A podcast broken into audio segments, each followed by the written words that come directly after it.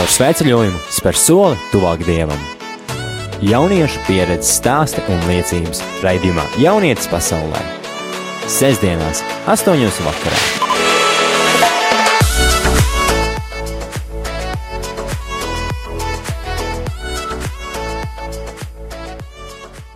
Dārgie rādījumi arī klausītāji, ir sestdienas vakars, un kā jau ierasts, es, Matīs Dalbergs, esmu kopā ar jums studijā raidījumā Jaunietis pasaulē. Šovakar pie mums, kā jau vienmēr, ir viesis.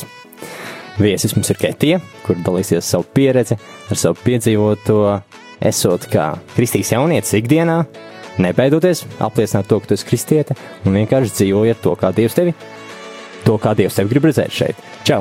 Prieks tevi šeit redzēt! Čau! Varbūt sākumā tu vari nedaudz pastāstīt par to, ko tu dari ikdienā, par to, kas par to esi. Hmm. Jā, es nāku no mazas pilsētiņas, kurzemē. Um, šis ir pirmais gads, kad es dzīvoju Rīgā un studēju šeit. Bet uh, tā, nekas īpaši daudz ko stāstīt, bet uh, man ļoti patīk zīmēt un uh, tikai radoši izpausties, bet uh, atnācu šeit, lai studētu geoloģiju. Tu esi no mazas pilsētiņas. Mazā pilsētiņā nereti vien ir tā, ka ir maz cilvēku, un, un, un ne visi kristieši, un, un, un tā ticība ir grūti saglabāt. Piemēram, personīgi man esmu no Valkas, kur es dzīvoju pilsētā desmit gadus bez baznīcas. Nu, tad tā ticība saglabāt bija izaicinājums. Kā bija tev? Vai tu visu dzīvi esi bijusi kristiete? Nē, visu dzīvi neesmu bijusi kristiete. Es, es pat īsti neatceros, cik man bija gadi, kad mēs sākām uh, tuvāk pievērsties Dievam, bet es atceros, uh, kad mēs sākām braukāt uz uh, baznīcu Liepājā, tas ir 50 km attālumā apmēram, un, un jā, tas, tas bija pateicoties manai mammai, jo viņa ļoti ilgstoši jau pirms tam meklēja Dievu un mēģināja atrast viņu, lai gan viņai nepatika standarts šī baznīca. Iepriekš mēs bijām Ziemassvētkos un aizgājuši uz Lutāņu draugiem. Un tur tā mūzika un tā atmosfēra, jo vienmēr to aizjūta, un tur ir augsti. Un, un liekas, nu, vai tiešām vai tiešām Dievs varētu būt kaut kas tik liels, augš, augsts un tukšs. Un, uh, tādu dievu mamma negribēja. Bet uh, viņas draudzene, draudzene, jā, ka viņa strādāja kopā ar vienu sievieti, kas bija ticīga, viņa pilnīgi staroja to mīlestību, prieku. Un mammai tīri intereses pēc gribēja zināt, ka, kas viņai vainas, kāpēc cilvēks ir tik, tik mierīgs un tik priecīgs šajā trauksmainajā laikā. Un jā, un tad viņa sāka tā kā interesēties vairāk par šo draugu liepājā, un ar laiku mēs sākām braukāt arī tur. Tu man stāstīji neilgi pirms raidījuma, ka bija šis kritiskais punkts tavā ģimenē, kad jūs visi pievērsāties dievam. Kas notika? Varbūt var palīdzēt ar savu liecību, kā jūs nonācāt līdz dievam. Ka visi pievērsāmies, nē, tu man ir laikam, es nedaudz pārpratis, bet ka tieši mamma sāka vairāk meklēt kaut ko, kas ir pārāks par viņu. Tas bija tad, kad man bija divi gadi es uh, vienkārši nonācu ļoti, ļoti kritiskā stāvoklī. Mani aizveda uz slimnīcu, un ārsts konstatēja, ka man ir apendicīts. Un, uh, Mama, nu, tā kā tajā laikā aizputēja tie ārsti, visādas baumas klīda par viņiem, ka viņi varbūt operā dzēruši un, nu, kaut kādas tādas nesmugas lietas, un mamma negribēja, lai viņas mazo dūdiņu operē šādā slimnīcā, šādi ķirurgi. Uh, Un uh, viņa lūdz Dievam, Dievs, ja tu eksistē, neļauj viņu operēt šeit. Lai, lai viņi nomierinās, lai temperatūra pazeminās, bet mēs varam rīt aizbraukt uz Liepāju, uz Rīgu, kur kuldīgu, nu, kur vajag, bet lai viņi neoperē šeit uz vietas aizputē. Un uh, viņai galvā ienāca tāda diezgan skaidra balss, ja viņu neoperēs šonakt, viņa mirs. Un uh, viņa teica, nē, Dievs, tad nu, galvenais neatņem to mazulīti. Man, nu, nē, nu, nu, divi gadi bērni. Un tad viņai tas bija ļoti, ļoti spēcīgi. Viņa dzirdēja šo balsu, un viņa teica, nē, lai notiek tavs prāts, tad lai, lai iet, lai, lai viņa operē, lai, lai viss notiek. Un, un tad arī, jā, tad acu mirklī man sāk kāpties temperatūra, es sāku svaidīties gultņā, tur tās vēdra sāpes pā, pā, nu, palielinājās. Un, uh, Un jā, man aizveda uz operācijas zāli un operēju. Un nākamā dienā ienāca anestezologs interesants vārds. Un, uh, viņš teica, ka, jā, ja būtu gaidīts līdz rītam, viņa būtu mirusi. Un tas bija tas, tas punkts, kad viņa sāka meklēt šo dievu, bet tā visai nepārliecinoši, bet tomēr tas bija tas pirmais. Nu jā, tīri tādos kritiskos brīžos, stāvot klints malā, cilvēki mainās. Un tomēr me meklē, meklē to kaut ko, kas, kas mūs visus vieno. Bet tev, tagad tu mācies augstskolā, tagad tu esi Rīgā, pilsētā, kur, kur, kur baznīcas ir tik daudz, kur tu vari doties uz visurienu, kur tev vairs nav, nav, nav tas izaicinājums. Kā tu teici, 50 km doties uz Liepāju vai, vai kur citur uz baznīcu. Kāda tev ir sajūta būt pa kristieti augstskolā? Nu, tīri. Mēs zinām, ka ne visi ir kristieši. Saglabāt savu kristīgo kodolu, tas reizēm nav viegli. Kāda tev ir sajūta? Kā tu to saglabā un ko tu varētu ieteikt radio klausītājiem? Kā izdzīvot kā kristietim šos studiju gadus? Hmm. Tas ir ļoti interesanti, jo atnākot no mazas pilsētas, tik lielā pilsētā, kad tu esi viens mazs pelēks un neredzams, nebūs tā, ka tu uzreiz varēsi mainīt pasauli, ka visi tevi redz, visi tevī klausās un visi baigi, o oh, jā, tas ir, tas ir labais, ko tu saki, vai īstenībā liela daļa tev nemaz neredz, nemaz nav pamanījuši, ka tu esi un eksistē tur, un, un vienīgais, ko tu vari darīt, tai vienkārši turpināt dzīvot tā, kā Dievs grib, lai tu dzīvo caur savu nostāju, caur saviem uzskatiem, savu, caur savu darbību parādīt to, kā ir pareizi dzīvot. Nu, teiksim, neiet uz balītēm, nelietot alkoholu vai, vai nezinu, tad tavi mutes vārdi jau būs tie, kas parādīs, cik atšķirīgs no pārējiem tu esi. Vai tu esi katru vārdu, tur mazos krievu komatiņus lieci vai kaut kā. Nu, visas šīs mazās detaļas, kas ikdienas dzīvē var kā, nodot mūsu to, ka mēs esam kristieši. Bet tīri nonākot šādā vidē, nu, tur tu cīnījies, saglabājot sevi. Nu, tomēr skatoties, ko tu darīsi brīvajā laikā, kā tu runāsi tā un tā. Bet reizēm tas pielīp. Un, nu, piekdienas vakars, ballīte, nezinu, tur kaut kas tāds, ko mums kas dievam nav tīkams, nu, tas kaut kādā veidā pietuvinās ar jums tuvāk un tuvāk, un sātans to visu pa, parāda no citas šķautnes, ka tas nav nemaz tik slikti. Nu, šoreiz var pamēģināt, nu, nekas jau slikts nenotiks. Un viņš kārdina, kārdina, kārdina, un tam kārdinājumam jāstājās pretim. Kā tu stājies, nu, kā tu nostādi šīs robežas, un kāds pasaka, nē, viss. Nē, es to nedarīšu, nē, es būšu pati.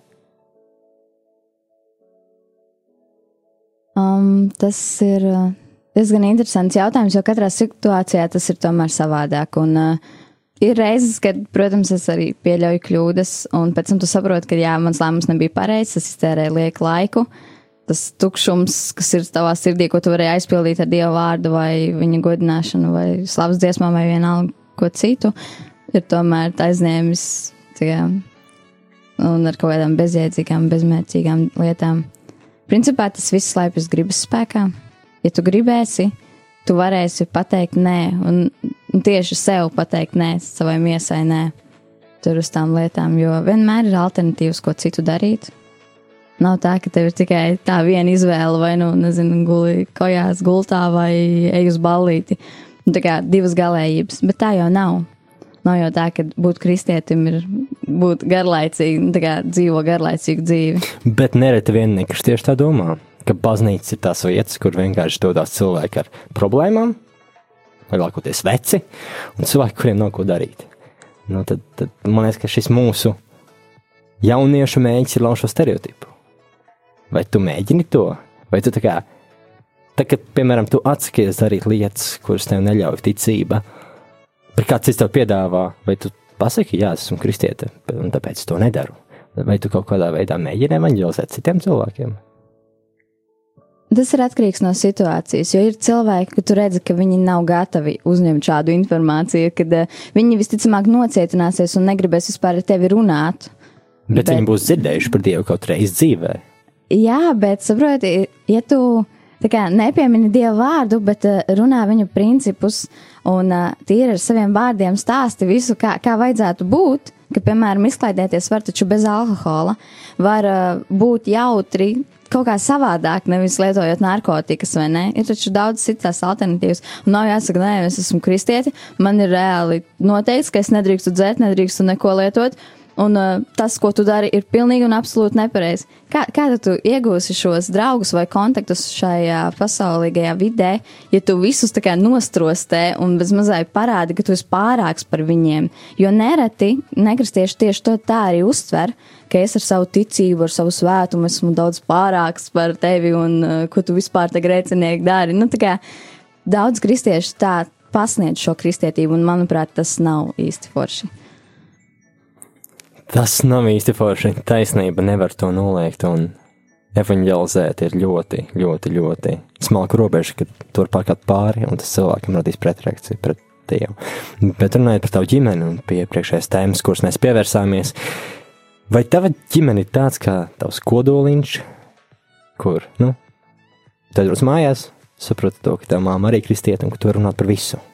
Jo nereti vien, nu, piemēram, man ir draugi, kuri nav kristieši, un tās tēmas, par kurām, nu, īsti runāt nevar, jo tas cilvēks nesapratīs.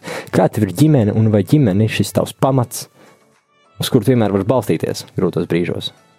Jā, es to ļoti labi īstenībā izjūtu tagad, esot Rīgā, jo man vēl nav izveidojušies tādi draugi, un arī krist, kristīgos draugus es vēl meklēju, un uh, kuriem jauniešiem kā, piesaistīties klāt. Es vēl neesmu atradusi to īsto vietu, bet es ticu, ka Dievs rādīs. Un, jā, tad, eh, tajā ikdienas grūtumā, kas ir tās visas problēmas, eh, kas ir saistībā gan ar studijām, gan ar to, ka esmu kristieti, tad ir tā, ka tu aizbrauc mājās un tu jūties tā tādā miera ostā, un tev pilnīgi negribās braukt uz uh, Rīgu. Ne tāpēc, ka tā ir māja pilsēta un tu esi pieradusi pie mājām, bet tāpēc, ka tur ir šis miers, kad, kad viss ir vienā prātā, kad, kad tu pilnīgi jūti kā tā dieva aizmugure, cik viņa ir milzīga un varena, ka tu neesi viens vairāk, ka tu neesi viens pats lielā pilsētā, bet ka tev ir, ka tev ir tāda aizmugure un ka ir tik daudz domu biedru vienā vietā.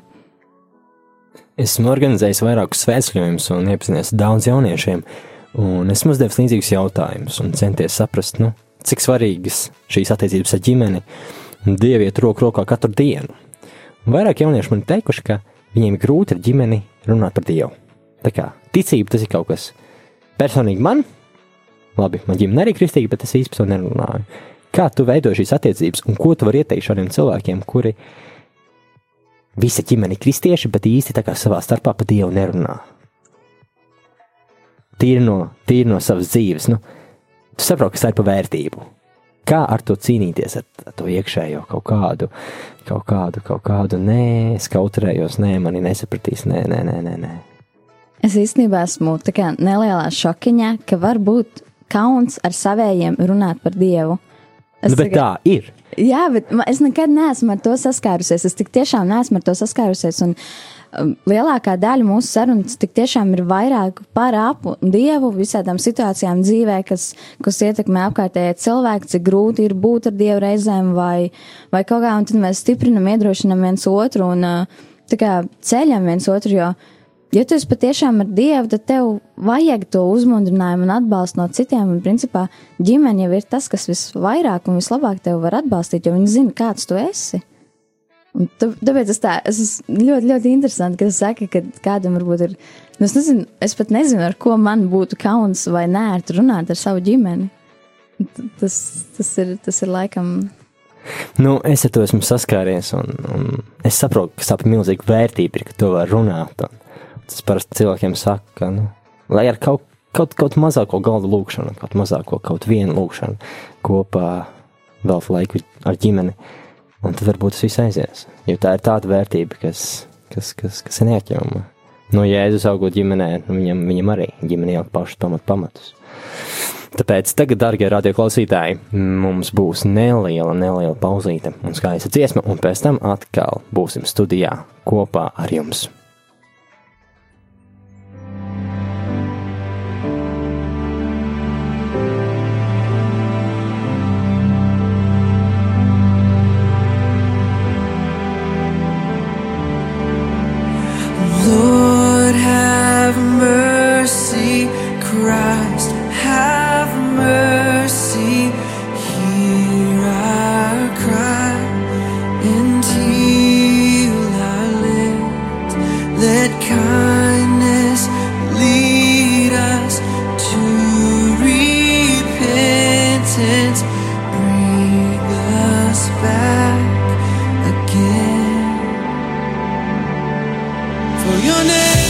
great and your heart is grace. Kyrie eleison, over all you reign, you alone can save. Kyrie eleison, Lord have mercy. Christ have mercy on us now.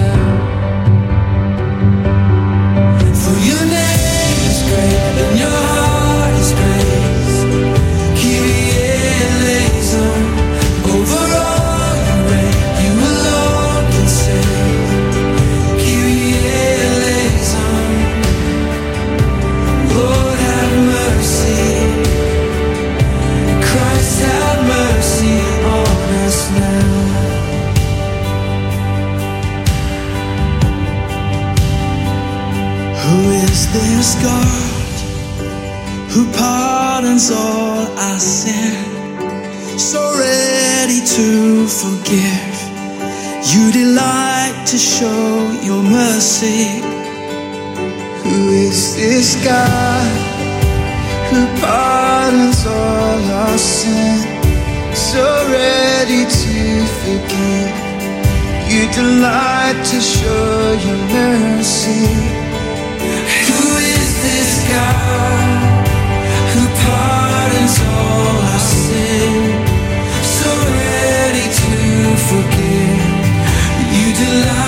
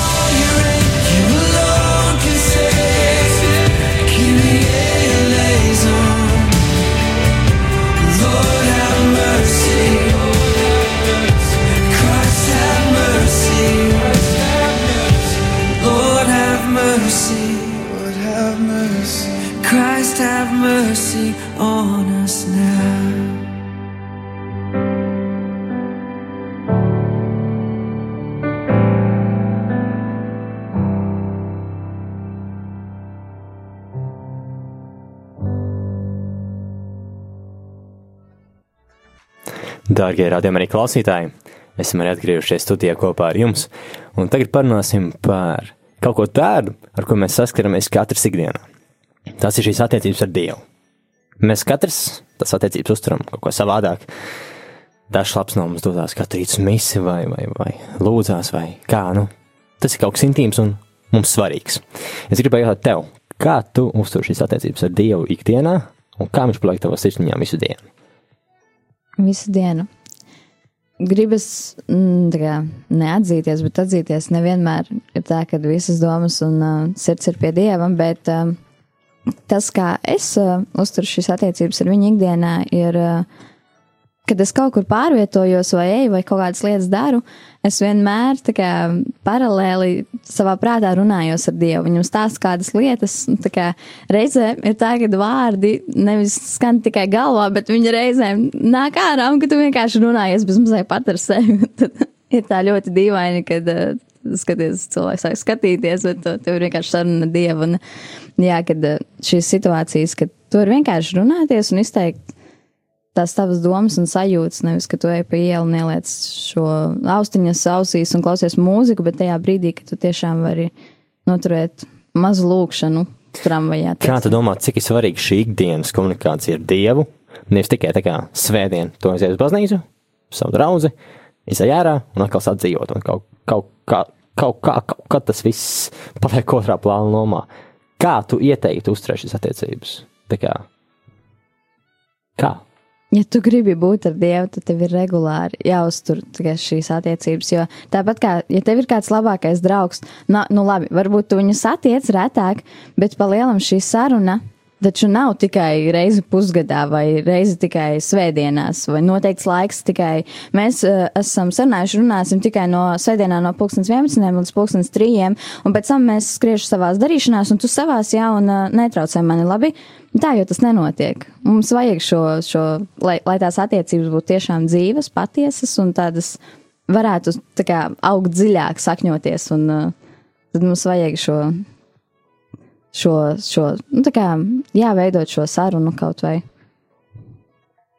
Jā, veidot šo sarunu un, un būt kopā ar viņu ikdienā, tas, tas, tas ir izaicinājums, jo nereti vien arī mums iepriekšējos raidījumos ir bijuši jaunieši, kuri stāsta par savu pieredzi dzīvojot ārzemēs, un, un tad šie apstākļi kaut kā drusku tam traucē. Vienkārši traucē, vai nu tā pārliecība, kas, kas, kas, kas rodās dzīvojot kaut kur ārzemēs, vai apkārtējā vide, kas ietekmē, bet svarīgi ir saglabāt savu iekšējo būtībiņu, savu mazo es, kurš tevi dzīvo, jo nu, kā nekā katrā no mums ir maza daļa no Dieva. Dievs mājo mūsos. Tādēļ viens tāds, viens tāds, viens tāds diezgan ķēpīgs un jautājums, ko nereti vien rodas jautājums atpakaļ, tīri, ko tu sagaidi no Dieva? Ko, kā, kāpēc viņam tic, ko tu viņam sagaidi? Tā kā, zini, mēs varam lūgt, lūgt, lūgt, lūgt, lūgt un daudz kas no tā ne, nepiepildās. Ko tu no viņa sagaidi? Es varētu jautāt, ko viņš sagaida no manis. Kāpēc viņš reizēm grib tādas lietas, ko es nesaprotu, kāpēc viņš varētu gribēt no manis. Bet um, es nekad neesmu gājis pie dieva ar tādu jautājumu. Kā, kāpēc es, ja es tev ticēšu, kas man par to būs? Es saprotu to, ka viņš ir ar mani un ka bez viņas nekas neesmu. Es to ļoti, ļoti, ļoti labi izjūtu ikdienā, savās mācībās. Man gluži vienkārši fiziski ir ļoti grūti iemācīties, kad esmu bez viņa vai arī visi šie roku darbi, visa māksla, viss man vienkārši nav iedvesma, nav, nav nekādas kā, iespējas radīt ko jaunu, ja viņš nav ar mani. Un tad es vienkārši jautājums ir tāds, kā Dievs tu gribi, lai es taptu lietotu? Tā kā nevis tāds jautājums, kā tu man uzdod, bet man ir tāds jautājums, ko es uzdodu Dievam. bet tu taču tomēr dzīvo ar mēģinu nonākt debesīs, vai ne? Nu, Tas ir mūsu galvenais kristiešu mērķis. Un tad es satiekos ar kādu draugu, no kristietes runāju ar viņu. Viņš saka, man tā pati laba dzīve, man ir ļoti laba dzīve, varbūt pat labākā tavējā no malas izskatoties, bet man nevajag dievu. Es esmu pats, man viss ir kārtībā, priekš kā man viņu. Tad, nu, kāpēc tev viņu vajag? Tāpēc, ka iekšā ir tas tukšums bez viņa. Dievs to tā ir iekārtojis, ka ir šis tukšums sirdī, ko mēs jūtam, un tad mums liekas, ka vajag ar kaut ko viņu aizpildīt. Un uh, nav tā, ka es vienmēr esmu bijusi ļoti, ļoti, ļoti, ļoti, ļoti tuvu pie Dieva, un es zinu, ka, kas ir mīlestība un kas ir Dieva žēlastība un viss, viss. Bet ir, ir bijuši apzināti lēmumi, ja, jā, tieši tā, kā tu saki, kāpēc man to vispār vajag.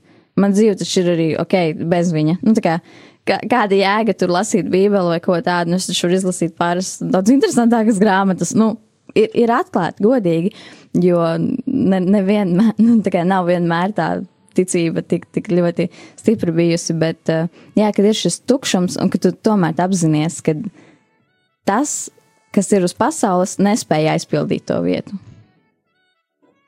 Jā, tas nespēja to aizpildīt, bet tu zini, kā tomēr, nu, tie nekristieši mums skatās kaut ko dīvainu. Mēs jau esam dīvaini nedaudz. tā kā nedaudz kaut ko dīvainu, kā, ko mēs pildam, ja mēs kā nekad to neesam redzējuši. Tu tici Dievam, bet tu viņu nesi redzējusi. Kāpēc? Kas tev liek viņam ticēt? Tu viņu nesi redzējusi.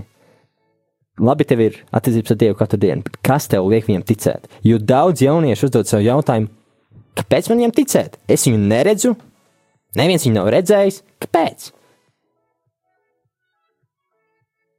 Nu, Dievs manā dzīvē ir parādījies caur daudzām un dažādām lietām, un uh, tīri caur šīm sajūtām, vai caur atbildētām lūkšanām viņš ir parādījis to, ka viņš ir. Jo no gaisa tās lietas nevar nokrist. Nu, kā, es neticu, ka var būt tik daudz sakritības un nejaušības. Tad jau, tad jau, tad jau nebūtu jēga dzīvot vispār, ja tas tā būtu. Tu zini, tā krist, šī kristīgā ticība, tas, kas ir ieskņots mūsu sirdīs un dvēselēs, dažiem cilvēkiem varbūt ir tāds kā sloks un tāds kā, kāpēc man to vajag, jo tas man ierobežos es kaut ko nedrīkstēšu darīt. Kā, es nedrīkstēšu kaut ko kā, domāt vai, vai, vai kaut ko tādu. Tev tas ierobežo vai tev tas, tev tas palīdz? Nu, protams, tev tas palīdz, bet vai tie ierobežojumi tā kā tevi ceļ? Es, es pat neteiktu, ka uh, būt ar Dievu ir kaut kādi baigie ierobežojumi. Vismaz manā dzīvē nav tā, ka es baigi gribētu darīt kaut ko tādu, ko, nu, kad, kad man, man iekšā būtu tas, ka es gribētu baigi pretoties tam, ko Dievs grib, lai mēs kā dzīvotu. Bet uh, tāpēc es varbūt neizjūtu to robežu, kad jā, Dievs man ierobežo. Jo tas arī īstenībā ir atkarīgs no tā, kā, kā, ģimene, kā ģimenē tu esi audzināts. Uh, ka, ko vecāki tev ir stāstījuši kaut vai par to pašu alkoholu, par šīm attiecībām, pirms laulībām vai kaut ko tādu. Un, un tad, eh, ja tu par to zini daudz, tad tev, ka tu ar to saskaries dzīvē vai atsakies no tā, tev neliekas, ka tu esi ierobežots vai apdalīts. Jo tu zini, ka bez tā var iztikt, un uh, tas, ko Dievs tev ir paredzējis, kā tam būtu jānotiek, ir daudz kas lielāks un pārāks par par to, ka tu vienkārši, kā tev Dievs neļauj tur tai piekdienas vakarā iedzert. Ne? Tas, tas, saprot, ilgtermiņā tas atmaksājās, un ja tu zini, ka tas tā ir, tad tev ir vieglāk, un tu to neuztver tā. Tad būtībā ticība ir kā tās mūsu balsts, kas mums ļauj noturēties, kā ārpus kārtīgs vējš, tik, tik liela viļņa, kas, kas ir kā tāda kārtīga klīns, kur mums ļauj būt mums pašiem. Bet, nu, viens ir piekdienas vakarā iedzert, otrs ir, nezinu, tur, tur, tur, tur aiziet, pīpēt narkotikas, bet cita lieta ir, kas, kas valda mūsu sirdīs. Es domāju, ka tu redzi, ka apkārtējā sabiedrība, tīpaši jaunieši, liela daļa netic dievam. Dzīvo šo laicīgo dzīvi, ar to, kas man nenāk par sliktu, tas man nāk par labu. Jāizmēģina dzīvē ar visu. Un tad nereti vien rodas daudz jaunās māmiņas, rodas daudz šķirtas laulības un, un, un, un pašnāvības pašnāvības cilvēkiem, kuri neredz dzīvē vairs jēgu. Ko tu varētu kā ieteikt cilvēkam, kas ir tik dziļi savās problēmās, kurš neredz izēju? Nefokusējies uz tām problēmām. Bet tās problēmas ir visur apkārt. Tās problēmas ir tā, no rīta pamostās, un viss par to nespēja domāt.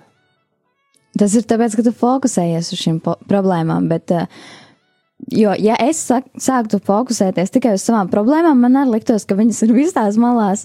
Bet mums vienkārši mums vajag sākt pamanīt, redzēt gan sevi, gan citos, kas ir tas labais. Ja mēs to kā kristieši nespējam ieraudzīt, mums ir jālūdz Dievs palīdz man redzēt tā, kā tu redzi tos cilvēkus. Ja tev kāds krīt uz nerviem, nu vienkārši tiešām es, es tā esmu darījis un tas reāli strādā. Vienkārši lūdzu Dievam, ka palīdz man viņu mīlēt, palīdz man ieraudzīt tā kā tu esi viņu kā, radījis un kādam viņam ir jābūt Dievs, kā tu viņu redzi, un tu vienkārši tā pats jūties dīvaini, ka tu sāc mīlēt kaut kādus cilvēkus, kas tev iepriekš ir ļoti, ļoti kaitinājuši. Un Diev, Dievs maina, viņš maina gan tevi, gan tos apkārtējos. Un, un tad, tas ir arī tas veids, kā, kā atbrīvoties no šīm problēmām. Tu vienkārši nefokusējies uz viņiem tik ļoti. Dievs palīdz man redz, saskatīt to labo, ko tu liec manā dzīvē. Palīdz man redzēt to un novērtēt to, ko tu esi devis man, nevis tikai ieciklēties un nīdēt uz, par to, kas man nav vai, vai kas neiet tā, kā vajadzētu iet. Viena lieta, lieta ir būt šeit, rādio studijā, un runāt par Dievu, bet pavisam kaut kas cits ir saskarties ar šo rietumu kultūru, kas ir ienākusi mūsu sabiedrībā ikdienā. Un, un, un skatīties, ka šis pareizais ģimenes modelis gandrīz vairs neeksistē tiešām gandrīz vairs neeksistē. Tā ir ļoti liela laime, ja tu spēj atrast savu dzīves cilvēku. Es tīri domāju par nekristieti šobrīd. Atrast savu dzīves cilvēku un baudīt visu dzīvi kopā ar viņu. Kā tu domā, tā kā cilvēks ir uzaudzis nekritīgā ģimenē, pēkšņi saprats, ka vajag meklēt kaut ko augstāku. Nereti vien tā ir arī vairākiem māksliniekiem, kuri meklē iet no vienas reliģijas uz otru reliģiju, tad kaut kam vienam tic, Es domāju, ka viņi paši sev tic un viņi paši var visu.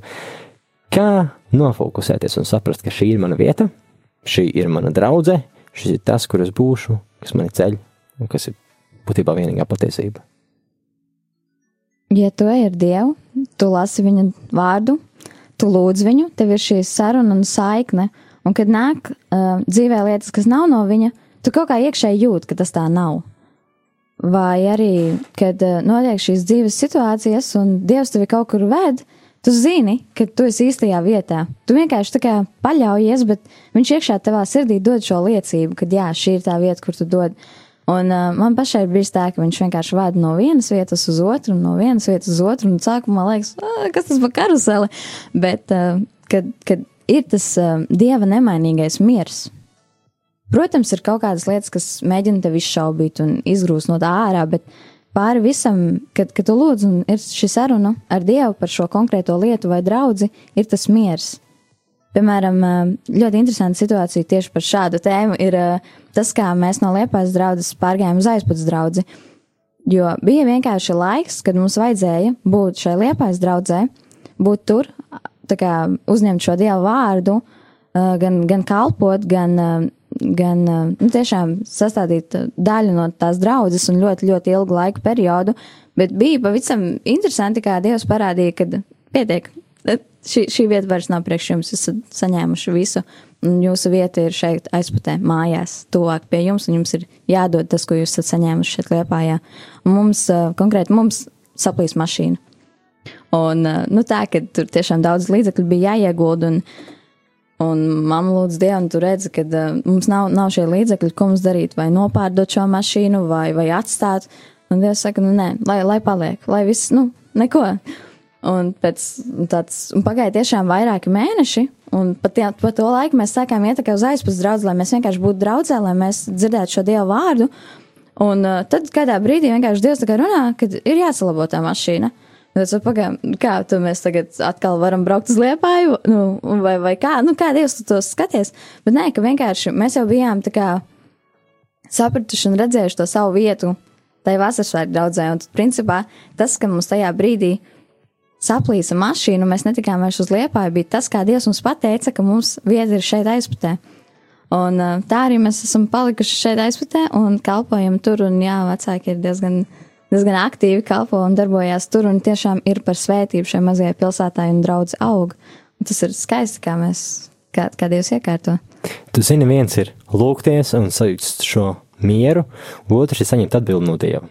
Nešaubīgu atbildi no Dieva, ka tiešām tas man ir jādara. Daudzi pavada lūdzoties, gaidot no Dieva, bet tādu savu konkrētu atbildi nesaņemot. Tā kā Dievs konkrēti nepasaka, ej, nu, nedari šitā un šitā, dari tā un tā. Vai tu esi saņēmusi konkrētu atbildi no Dieva, pēc kuras tev šaubas vairs vispār nav? Jā, esmu. Tad jautājums ir pavisam cits, kā tu šo atbildi saņem. Jo viens ir lūgt, otrs ir gaidīt. Kā tu spēj šo, šo, šo fokusēt ikdienas rutīnā, ikdienas steigā, ka tu lūdzies, bet tu arī atstāji laiku, lai saņemtu atbildi?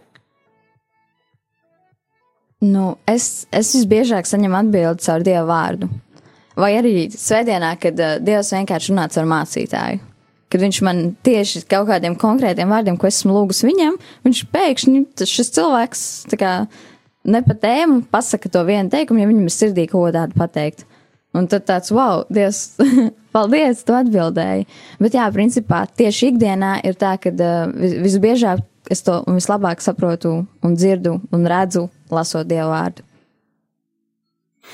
Pāvis Francisks ir teicis, ka, ja mēs Bībeli atvērtu tikpat daudz reizes, cik atbloķētu savus telefonu, šī pasaule mainītos. Mēs mainītos un tiešām notiktu lielas lietas. Jo kā nekā, ja mūsu ticība graudiņš, ja mūsu ticība būtu kā sinepi grauds, nu, pasaule mainītos. Tādēļ, nu, ticība ir tas, kas mūs var noturēt, ticība ir tas, kas mūs var vest cauri grūtiem dzīves brīžiem runājot par to, ka, nu, nu jau ziema, bet drīz nāks vasaras un, un tuvojas gavēņa laiks, vai tu esi gavējusi? Jā, bet ne ar ēdienu, bet ir ar um, šīm viedierīcēm. Vai tu ieteiktu jauniešiem gavēt, lai kaut kādā veidā atturētos un kaut kādā veidā saņemtu atbildi no Dieva par kādiem jautājumiem? Es domāju, ka jā. Kāpēc? Tāpēc, ka tas paņem ļoti, nu, tieši es, es īstenībā arī pavisam drīz taisos, tā kā bišķiņ iztīrīt savu telefonu uz pāris dienām, lai, lai viņš man liek mieru no, no, no liekas viņa aiztikšanas, jo tas paņem ļoti daudz laiku. Tu, tas ir, cik pārdabiski laiks skrien, kad mēs esam pie televizora, datora vai telefonā. Gājas, ka pavisam bezmērķīgi un bezjēdzīgi. Bet ir cilvēkam, kas nesaprot, ko nozīmē kavēt, cilvēkam, kas to nekad nav darījis. Pastāstīt īstenībā, kas tas ir, ko tas nozīmē priekš tevis un kāpēc to darīt. Nu, tas, kā tev tas maina attiecības ar Dievu, piemēram? Tas ir atteikties no kaut kā uz kādu noteiktu laiku, Bet tā vietā, nevis ka tu at, atsakies un vienkārši nezini, sēdi bezdarbībā tajā laikā, kad kamēr tu esi atteicies no tā, bet ka tu uztur šīs sarunas, attiecības, lūkšanas, lasi dievu vārdu vai klausies kādus, kādus dievkalpojumus vai, vai slavē viņu un pielūdz. Ka tu atsakies, nevis atstāj tukšumu, bet lietas vietā dievu un stiprini šīs attiecības ar dievu un intensīvi lūdz par kādu lietu, ja tev ir konkrēti kāda lieta tavā dzīvē vai vai tu vienkārši lūdz par saviem radiniekiem, kas vēl nav ticīgi, vai, vai par ģimeni, vai par kādām lietām, kas ir jāsakārto tavā dzīvē vai citu dzīvē. Jā, es skatos, ka raidījums jau tuvojas izskaņai. Paldies, ka tu biji kopā ar mums. Darbie radījumā arī klausītāji, es vēlos jums atgādināt, ka mums katram ir savs skatījums uz lietām, katram ir savs skatījums uz, uz savu piedarību, savu būtību un uz visu, kas mums ir apkārt. Bet galvenais ir palikt pie Dieva. Lai kas dzīvē nāktu, lai kam dzīvē iet cauri, galvenais ir ticēt un neaizmirst viņā klausīties. Tādēļ tiekamies jau nākamajā sestdienā, raidījumā Jaunais pasaulē, un mums ir plānota, plānota, plānota pavisam, pavisam interesanta programma. Tiekamies nākamnedēļ, jaukiem vakaru un tiekamies pavisam drīz. Caur svētceļojumu spēr soli tuvāk dievam jauniešu pieredzes stāsti un liecības raidījumā Jaunietis pasaulē. Sesdienās, 8.00 vakarā.